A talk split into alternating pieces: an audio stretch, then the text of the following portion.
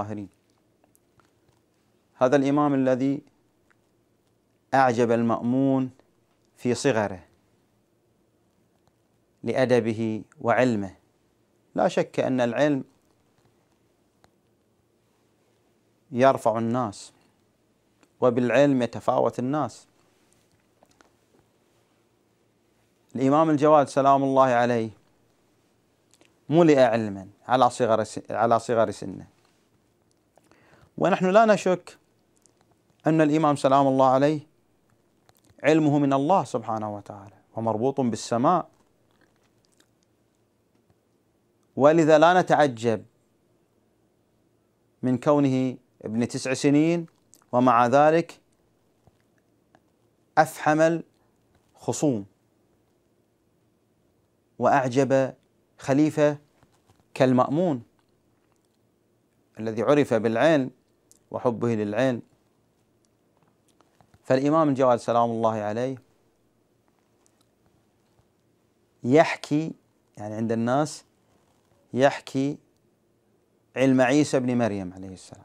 اللهم صل على محمد وعلى محمد. لأنه على صغر سنه استدلت أمه به وبرأت نفسها. وعلى صغر سنه كان نبيا ومبعوثا من قبل الله سبحانه وتعالى وحجة على قومه. كذلك الإمام الجواد سلام الله عليه بعد وفاة أبيه كان صغير السن. ومع ذلك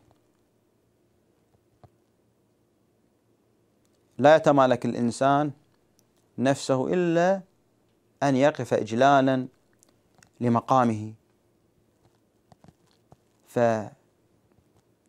ففي بعض النقولات أن المأمون في يوم من الأيام كان الأطفال يلعبون فعندما جاء المأمون خافوا فهربوا فوقف الإمام الجواد عليه السلام فاستغرب المأمون فسأله لماذا لم تهرب مع بقية الأطفال؟ فأجاب يعني بما مضمونه أنني يعني لا أظن في في أن الخليفة وأمير المؤمنين يعاقب الناس مع عدم الخطأ. فأنا إنما وقفت لأنني لست مخطئا وأنت يعني لست لست بظالم حتى تعاقبني فأعجب به فقربه فاكتشف فيه علما جما وهو يعرف أن أهل هذا البيت يغترفون من محيط من بحر متلاطم. فأراد لهذا الإعجاب أن يزوجه ابنته أم الفاضل. ولكن ولكن العباسيين خالفوه وعارضوه وقالوا له هذا طفل صغير يحتاج إلى تأديب يعني تأديب تعليم. فبعد التأديب والتعليم انظر ما ماذا ترى يعني. ولا نعارضك نعارضك في ذلك. أما في هذا الحين هو طفل صغير يعني تعطيه ابنتك قال أنا أعلم بكم به منكم سأجمعكم معه لتحاجوا. فأجمعوا أمرهم على القاضي يحيى بن أكثم. حتى يناقش الإمام سلام الله عليه. فاختار له سؤال. من المعلوم أن التشقيق التشقيق والاحتمالات الكثيرة تكشف عن علم جم. لأنه بهذه شنو مثلا الاختلافات بهذه العناوين تختلف الأحكام.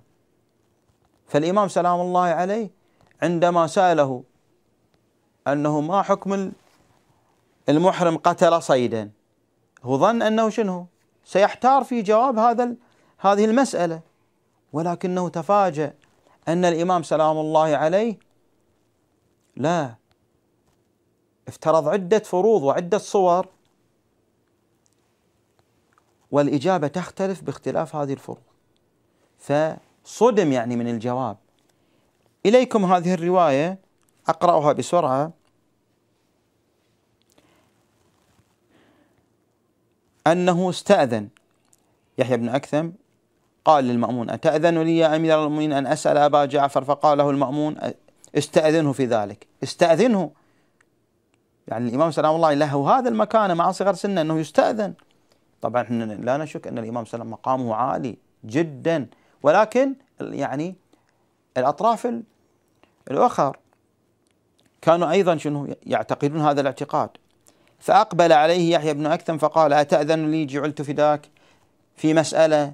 قال له أبو جعفر عليه السلام سل إن شئت. قال له يحيى ما تقول؟ جعلني الله فداك في محرم قتل صيدا. هنا المفاجأة. في الجواب المفاجأة. فقال له أبو جعفر عليه السلام وكان صغير السن. كان صغير السن. قتله في حل أو حرم. عالما كان المحرم أم جاهلا. قتله عمدا أو خطأ حرا كان المحرم أم عبدا. صغيرا كان أم كبيرا. مبتدئا بالقتل أم معيدا. من ذوات الطير كان الصيد أم من غيرها. من صغار الصيد كان أم من كبارها. مصرا على على ما فعل أو نادما. في الليل كان قتله للصيد أم نهارا محرما كان بالعمرة إذ قتل أو بالحج كان محرما.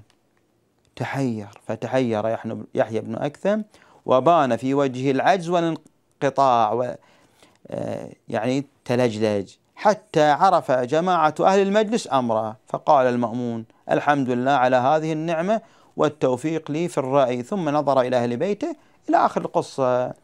أمر الإمام سلام الله عليه. أنه شنو؟ طلب منه أن يخطب ابنته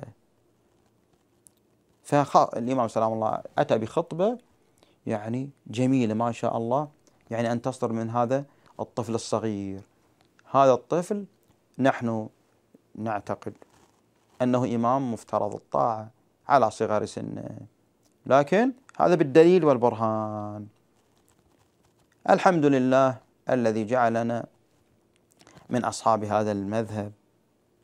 الحمد لله على هذه النعمة العظيمة أن لنا أئمة هداه يهدون إلى الخير يهدون إلى طاعة الله. أسأل الله سبحانه وتعالى أن يثبتنا على ذلك. وصلى الله على محمد.